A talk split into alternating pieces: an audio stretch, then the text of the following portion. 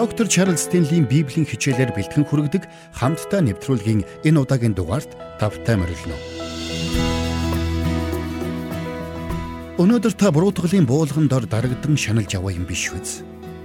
Буруутгалын хүнд ачаа таны нуруунд дээрээс дарж амьдралын эрч хүч, урам зориг чинь мохож, баяр хөөр, итгэл найдварыг чинь үгүй хийсээр байгаа юм биш үз. Хэрвээ тийм бол та доктор Чарлз Стенлигийн ярианд анхаарлаа заавал хандуулаарай. Өнөөдөр доктор Стенли бидэнд буруутгалын буулганаас хэрхэн ангижрахыг заах болно. Ингээд хамтдаа доктор Стенлигийн ярианд анхаарлаа хандуулцгаая.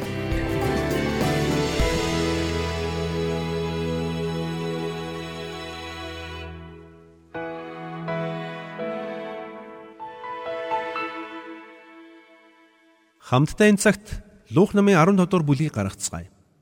Буруутгалын хүнд ачаанаас салах хамгийн зөв арга замыг бид төрсэн хүүгийн сургаалт зүрлэлээс харж болно гэж би боддог. Ингээд хамтдаа энэ түүхийг уншиж, эндээс Христэд итгэж хүн буруутгалыг хэрхэн даван туулах учиртайг суралцгаая. За ингээд Луух намын 15 дугаар бүлгийн 11-ээс хойш уншъя. Тэр хоёр хүүтэй нэгэн хүн байжээ. Баг хүн эцэгтэй Аава эд хөрөнгнөөсөө ногт хувийг минь надад өгөөч гэхэд эцэг нь хоёр хүүдээ хөрөнгөө хувааж өгөв. Хэдхэн өдрийн дараа баг хүн хамаг юмаа хамаад ас холын орныг зорин оджээ. Тэнд тэр дур зургоороо амьдарч эд хөрөнгөө үрэн таран хийв. Түүнийг бүх юмаа барж дуусгаад тэрхүү нутагт нь ч сүрхий өлсгөлэн болж тэр юм юмар гачигдж эхлэв. Тэгээд тэр явж уг нутгийн нэгэн иргэнийг бараадах болж мөнөөх нь гахаага хариулуулахаар түүнийг явуулдаг байлаа. Гахаан идэж байсан буурцгаар ходоодо дүүргэхийг тэр хүсэмжлэвч хинч түүнд юу ч өгсөнгүй. Тинхүү тэр ухаан эцгийн минь хөсөлсөн хүмүүсийн хичнээн нь ч талхаар элбэг дэлбэг байдаг билээ дээ. Гэтэл би энд өсөж өгөх нь. Би босоод эцэгтэй очиё. Тэгээд түүнд аава би Тэнгэрийн эсрэг мөн таны өмнө нүгэл үлджээ. Би цаашид таны хүүгийгдхэн зохисгүй. Харин намайг хөлснийхөө нэг хүн болгооч гэж хэлийгэв. Тэгээд тэр босож эцэг руугаа явжээ. Харин эцэг нь түүнийг холоос харж ихэд өрөвдөн гүн ирээд тэрч үнсв. Хүүн түнд аава би Тэнгэрийн эсрэг таны өмнө нүгэл үлджээ. Би цаашид таны хүүгийгдхэн зохисгүй гэв. Харин эцэг нь боолуудаа хамгийн сайхан хувцас хурдан авчир түүнийг хувцал гарт нь бөгж зүү хөлд нь гутал өмсөг тарган тугал авчирч нядал бүгдээрээ найрлаж цинги. Учир нь энэ хүүмэн үхсэн боловч ам оржээ. Тэр алдагдсан боловч олдлоо гэв. Тэд найрлан цингэлдэж эхлэв. Ууган хүн талбай дээрээ байжээ. Тэр буцаж гертэ ойртон эрэхтээ дуу хуур бүжиглэх чимээг сонсоод зарс нарынхаа нэгийг дуудаж юу болоод байгааг асуув. Тэр түнд дүү чинь ирсэн. Таны эцэг түүнийг эсэн минь дэргэж ирсэнд нь баярлан тарган тугал нядлуулав гэжээ. Харин ууган хүн уурлаад дотогш орохыг ч хүссэнгүй.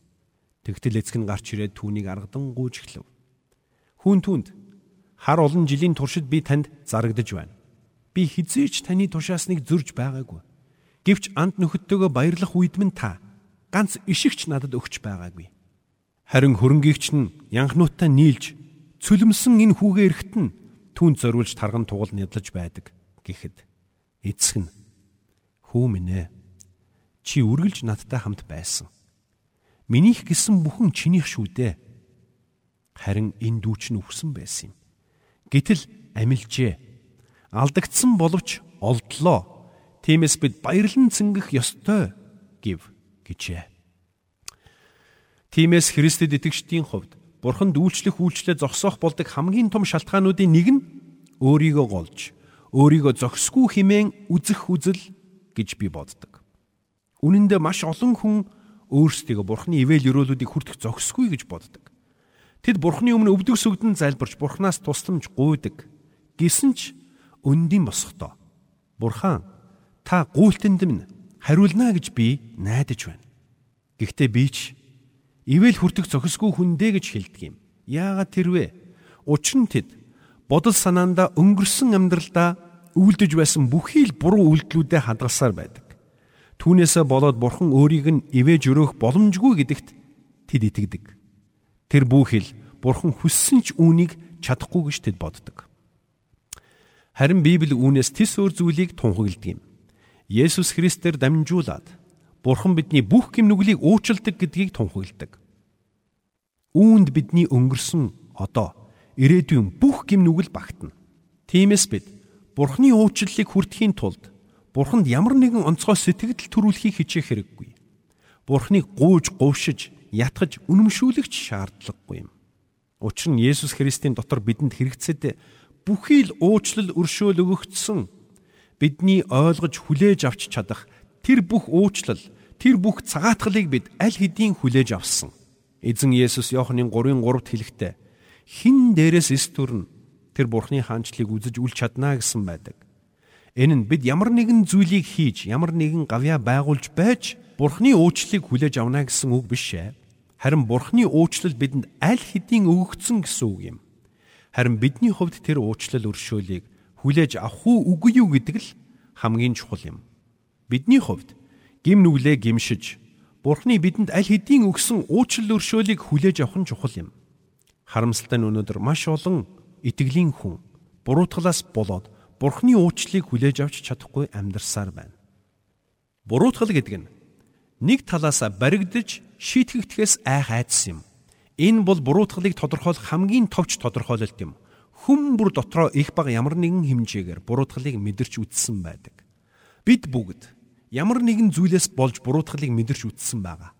Өөрийн хийсэн зүйл, өөрийн хэлсэн үг, өөрийн бодсон бодлоосоо болоод энэ бүх зүйлс бидний дотор буруутгалыг төрүүлэх боломжтой байдаг юм.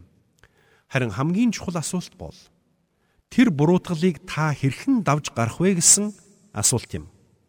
Тэгвэл энэ цагт хамтдаа төөрсөн хүүгийн түүхийг эргээд санацгаая. Тэр хүү гинтхэн л нэг өдөр эцгээсээ өөрт оногдох өв хөрөнгөө шаардсан. Эцэг нь ч түүний хүслийг биелүүлж тэр алс холыг зорин оджээ.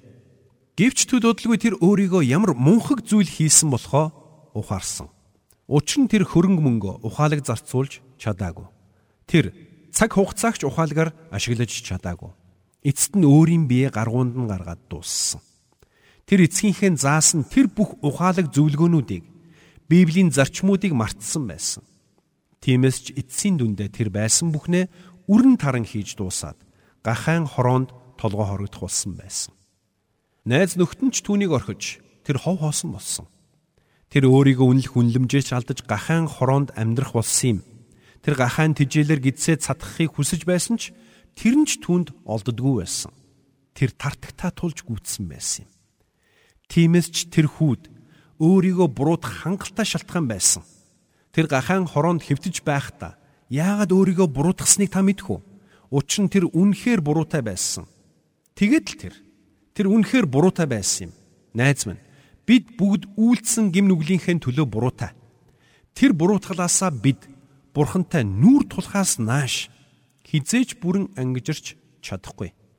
Та хичнээн зөв сайхан ном зохиол уншиж болно.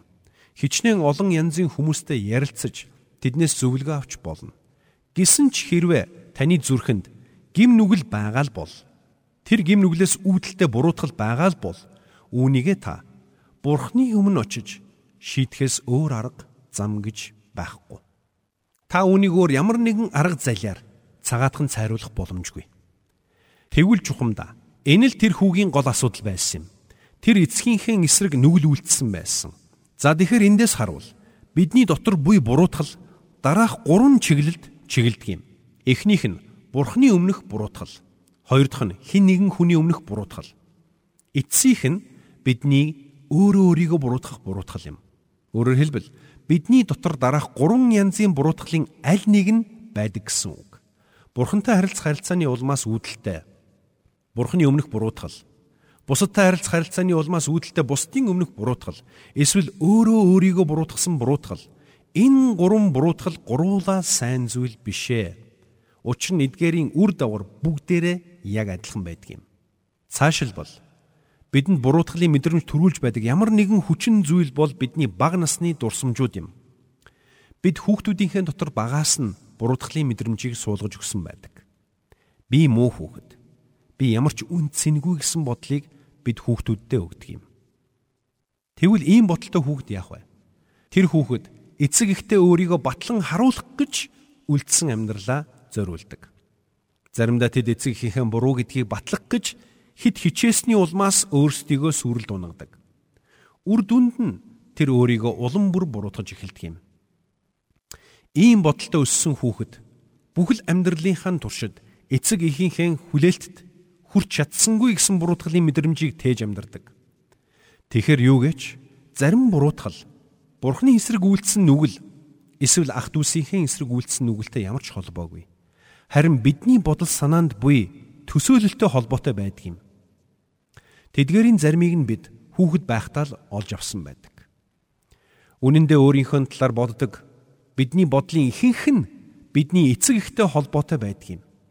Бидний амьдралын эхний 7 жилийн хугацаанд эцэг эх сурган хүмүүжүүлэгчд маань бидэнд юу гэж хэлж биднийг өсгөн тэр нь бидний оюун санаанд гүн хадгалагдан үлддэг байна. Бидний хандлага, өөрийгөө үнэлэх үнэлэмж, ёс суртахууны хим химжээ, бараг бүхэлдээ бидний бага насанд бүрэлдэн тогтсон байдаг юм. Тиймээс хүүхдүүдийг багаас нь хайр халамжаар дутаахгүй эсгэж тэднийг үн цэнтэй хүмүүс гэдгийг нь тэдэнд ойлгуулах нь чухал байдаг. Учир нь аливаа хүн тэр бүх мэдрэмжийг хүүхэд байхдаа олж авч чадахгүй бол үлдсэн амьдралынхаа туршид хин нэгэнд ямар нэгэн зүйлийг нотлох гэж эсвэл ямар нэгэн амжилтад хүрэх гэж өөрийн дотор байнга төрдөг буруутгалын мэдрэмжийг дарах гэж зүтгэсээр хамаг насаа бардг юм. Үннийг хэлэхэд ийм төрлийн ачаа дарамтыг тэн амьдардаг хүмүүс өнөөдөр маш олон байна. Бурхан өөрийн хүмүүсийг буруутгалын дор биш харин түүнээс ирэх ивэл өрөөлийн дор амьдраасаа гэж хүсдэг. Тэгвэл энэ цагт би танд энэ асуудлаас хэрхэн ангижрах аргыг зааж өгье. Энэ аргыг хэрэглэвэл та хизээч буруутгалыг мэдрэхгүй гэж би хэлэхгүй. Учир нь буруутгал гэдэг бол бид бурхны эсрэг эсвэл хин нэгэн хүний эсрэг буруу зүйл хийсэн тохиолдолд мэс чанараас маань бидэнд өгч буй дохио юм. Буруутгал бидний амьдралд шургалан орж ирэх үед бид түүнээс маш хурдан салах хэрэгтэй. Эс твгээс буруутгал хамгийн түрүүнд бидний бодол санааг хуваадаг юм. Бид эргэлзэж эхэлдэг. Өөрийгөө амжилт гаргах, үнцэнтэй нэгэн байх эрхгүй гэж бодож эхэлдэг. Ийм бодлоос болоод маш олон хүн бүтлгүйддэг юм. Тэднийг баг байхад нь эцэг их нь чи ямар ч амжилтанд хүрч чадахгүй чи залах уу, чи муу, чи үн цэнгүй гэж хэлж өсгснөөс болоод тэд дотроо ийм ихтгэл үнэмшилтэй хүн болж төлөвшсөн байдаг юм. Тэгэхэр буруутгалаас болоод хамгийн түрүүнд бидний бодол санаа хуваагддаг байна. Хоёрдугаарт бидний эрч хүч дундарч эхэлдэг юм. Өнөөдөр хүмүүс өөрсдийнхөө эрч хүчийг сэргээх гэж янз бүрийн бүтээгдэхүүн эм бэлдмэл хэрэгэлдэг болсон байна. Гэвч тэр бүхэн асуудлыг шийдэх шийдэл бус. Харин асуудлаас зүхтах хэрэгсэл төдий болдог зүйлс юм. Би дахин хэлье. Ийм бэлдмэл эм тариануудыг хэрэглэх нь бид буруутгалаас ирэх дарамттай мэдрэмжээ түрхэн зур дарж байгаа төдий алхам юм. Буруутгалын дарамт бидний дээрээс хүн дээр дарж эхлэх үед бид цаанаасаа л ирч хүчгүй болдог. Өглөөс эрэхтэл ямар ч ирч хүчгүй сэрдэг юм. Буруутгал бидний ирч хүчийг юу ч үгүй болтол нь сорж байдаг юм. Бидний баяр хөөргийг булааж амар тайван аз жаргалыг хулгайлж байдаг юм. Учир нь буруутгал болон амар тайван нэг дор орших боломжгүй юм. Буруутгал болон сэтгэл хангалуун байдалч нэг дор орших боломжгүй. Бидний амьдралд энэ хоёр зүйлийн аль нэг нь л ноёлох болно. Өнөөдөр маш олон хүн амьдралдаа сэтгэл дундуур амьдарч байна. Тэдний амьдралд амар тайван аз жаргал дутаж байна. Яагад гэж? Яагад гэвэл тэд үргэлж илүү ихийг хүсч байдаг. Яагаад тэр вэ? Учир нь тэд өөрсдийнхөө мөн тавьсан хүлээлтэд хүрэхийн тулд ингэж өөрийгөө шахдаг. Хин нэгэн хүн чи чадахгүй гэж хэлсэн учраас би чадна гэдгээ тэр хүнд батлах болно гэсэн шахалтаар амьдралаа урагш хөдөлгөж байдаг юм. Гівч тэглээгээд бүх зүйлс санснаар нь болдоггүй. Эцэст нь өмнөө тавьсан өндөр хүлээлтэндээ хүрч чадахгүй байгаагийнхаа төлөө өөрийгөө буруутгаж эхэлдэг. Өнөөдөр диавол Бурхны хүмүүсийг сэтгэл хөдлөлийн маш олон үрхэнд ээлж дараалан унахсаар байна. Тэгвэл тэдгээр өрхнүүдийн хамгийн хор хөнөөлтөй нь буруутгалын өрх юм. Буруутгал бидний бодол санааг хуваагаа зогсохгүй. Бидний эрч хүчийг сорж байдаг юм. Цаашилбал буруутгалын улмаас хүмүүс өөрийгөө шийтгэж эхэлдэг. Өнөөдөр маш олон хүн өөрсдийгөө зориудаар шийтгэж амьдардаг. Тэд дотроо би үүнээс илүү хүртэх эрхгүй амтан гэсэн бодлыг тээж байдаг юм. Бурхан биднийг ивэж өрөөхийг хүссээр байхад бид өөрсдөө зүрхэндээ буй буруутгалынхаа улмаас би тийм сайн сайхныг хүртэх зохисгүй хүн хэмээн үүд хаалга түгжиж орхидог. Тиймээс найз минь үүд хаалга нэ. Бурхны ивэл юруулыг итгэлтэйгээр хүлээж ав. Таныг ивэж өрөөхийг бурханд зөвшөөр. Учир нь бид өөрсдийгөө буруутгаж, өөрсдийгөө шийтгэж эхлэх үедээ өөрсдийгөө үгүйсгэж өөрсдийгөө ялагдуулж байдаг юм. Бид өөрсдийгөө шийтгэж байгаа нь энгээд Бурхны ивэл өрөөлүүдээс татгалзаж байдаг. Тийм учраас бидний амьдралд гимшил амин чухал байдаг юм. Бид нүүр тулах ёстой асуудалтайгаа нүүр тулахаас нааш Бурхны бидэнд өгөхийг хүсэж буй ивэл өрөөлүүдийг хүртэж чаддаггүй. Тиймээс Бурхны өмнө гимшээд түүний уучлал өршөөл ивэл өрөөлийг хүлээж ав. Өөрийгөө шийтгэх гэж бүү оролд. Энэ бол буруутгалаас үүдэн бий болдог нэгэн сөрөг үр дагавар юм. Цаашилбал буруутгалаас болоод хүмүүс өөртөө итгэлгүй болдог. Маш олон хүн буруутгалаас болоод өөртөө маш итгэлгүй нэгэн болон хувирсан байдаг юм. Надад олигтой зүйл тохиолдохгүй байхаа. Би сайн сайхан зүйл хүртэх зохисгүй гэдгээ мэдээд байсан юм а гэж тэд хэлдэг. Бидний дотор буруутгал байгаа цагт бид хизээч өөртөө итгэлтэй байж чадахгүй. Бид хизээч айдас болгоомжлолоос ангижирч чадахгүй цаашилбал буруутгалын бас нэгэн өөр сөрөг үр дагаврыг бид мартах ёсгүй юм. Энэ бол итвэх зүтгэл. Зарим хүмүүс дотроо буруутгалыг мэдрэх үедээ чуулганда урд үрдийнхаас илүү завгүй үйлчилж эхэлдэг.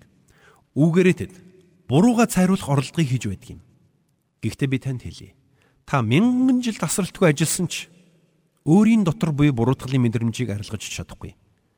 Үүнийг диавол хамгийн сайн мэддэг учраас хүмүүсийг ийм алхам руу зориудаар түлхэж байдаг юм. За мөн цаашлаад бидний дотор буруутгал мэдрэгдэх үед өөр нэгэн зүйл болдог.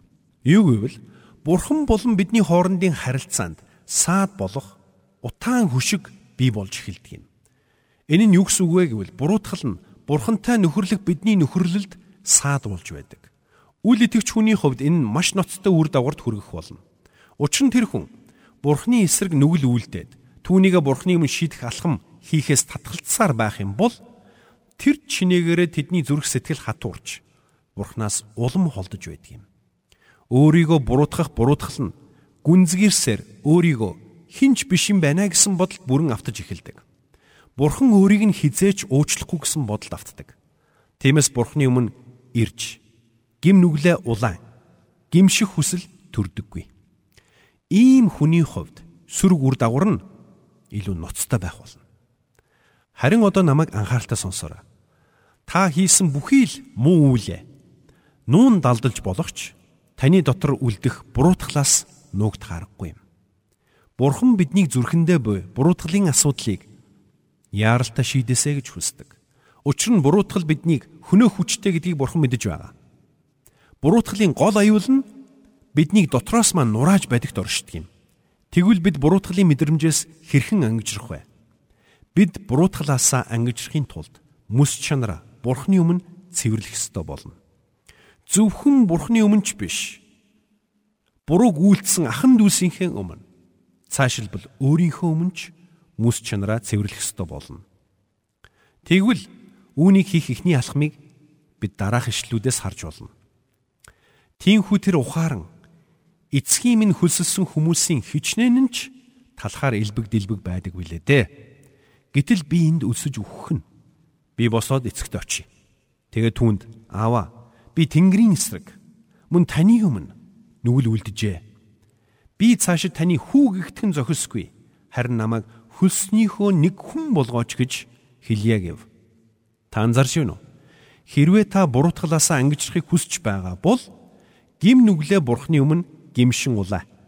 Хэлэх ёстой бүхнээ бурханд л хэл. Буруу бүхнээ тоочоод хэл. Гим нүглийг гим нүгэл чигээр нь хүлэн зөвшөөр. Гим нүглээ хаацалан өмгөөлөх гэж бүү оролд. Та гимнүглээ, гимшигтэй. Бурхны өмнө гимшээ зогсохгүй.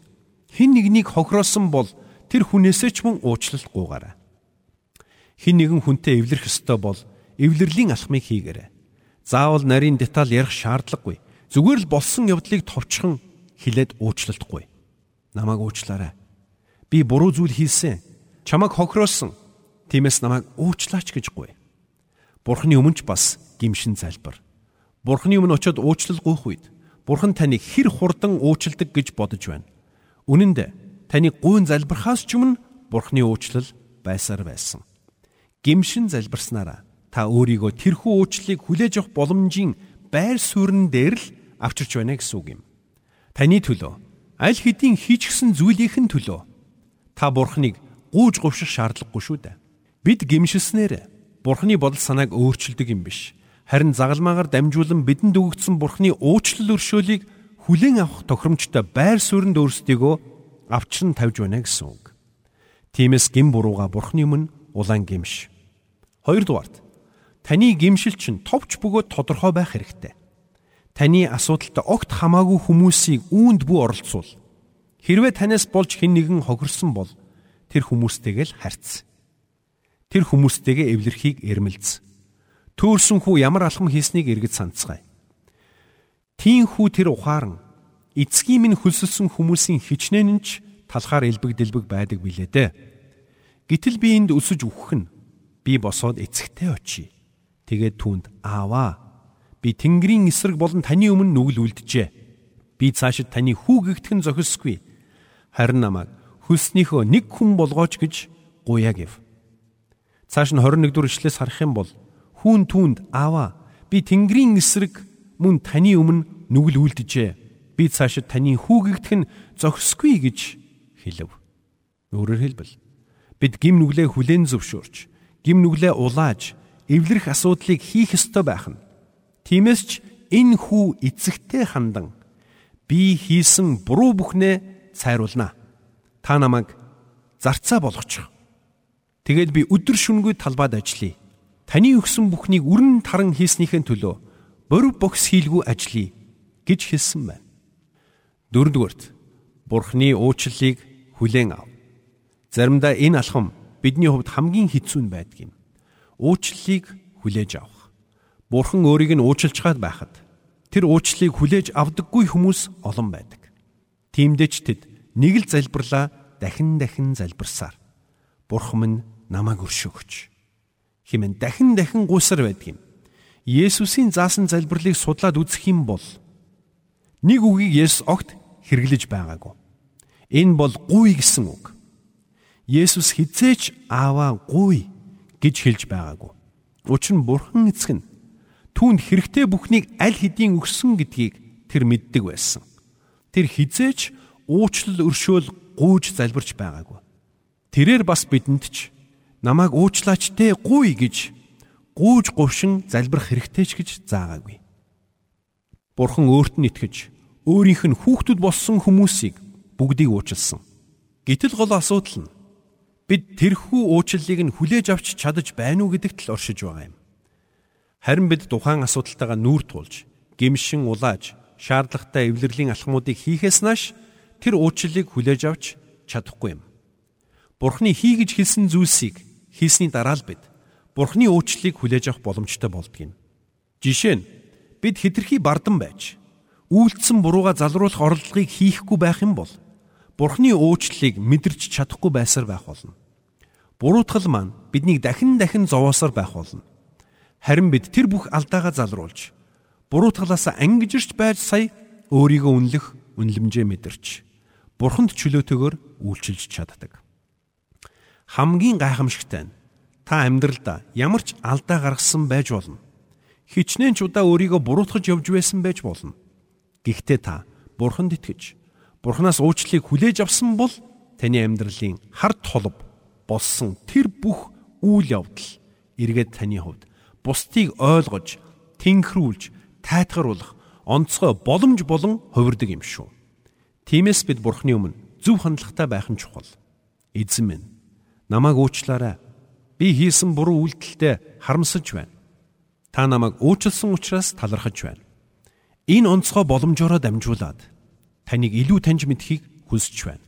Бас надтай адилхан алдаа гаргасан нэгэн туслагч нэгэн байхыг хүсэж байна.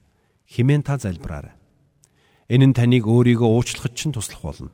Мөн өөрийн амьдралын таагүй туршлагыг бусдын сайн сайхны төлөө зориулахад ч туслах болно. Мөн бурхан таныг хэрхэн уучлсныг та бусдад гэрчилж чадах болно. Тиймээс та амьдралаараа бурханы уучлалыг мэдэрч, бурханы уучлалыг бусдад гэрчилж, адилхан алдаж онсон нэгнэ тэнхрүүлэн тэтгснээр эцсийн дүндээ бурхныг амьдралаараа алдаршуулах болно. Та бурхны өмнө дуулуургүй байсныхаа төлөө. Бурхныг магтах бус.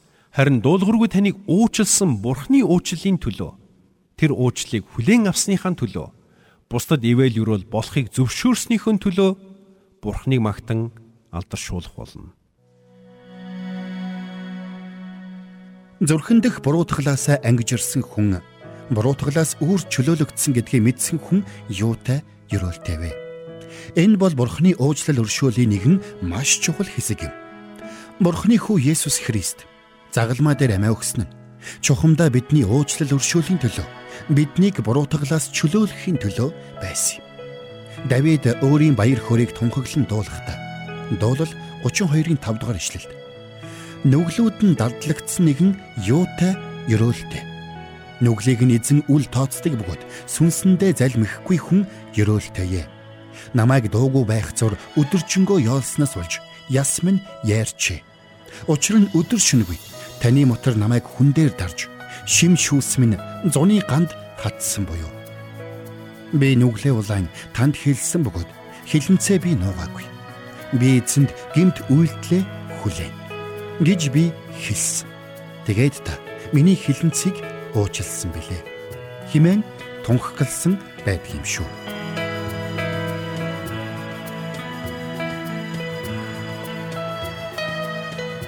Бурханд тэмүүлсэн сэтгэл хүмүүсийг энэрх зөрхөөр амьдрахад туслах номлогч доктор Чарлз Стенлигийн хамттай нэвтрүүлэг сонсогч танд хүрлээ. Нэвтрүүлгийг дахин сонсохыг хүсвэл ихтгэл радиоцик.com-оор зочлоорой. Бидэнтэй холбогдохыг хүсвэл 8085 99 тэгтэг дугаард хандаарай.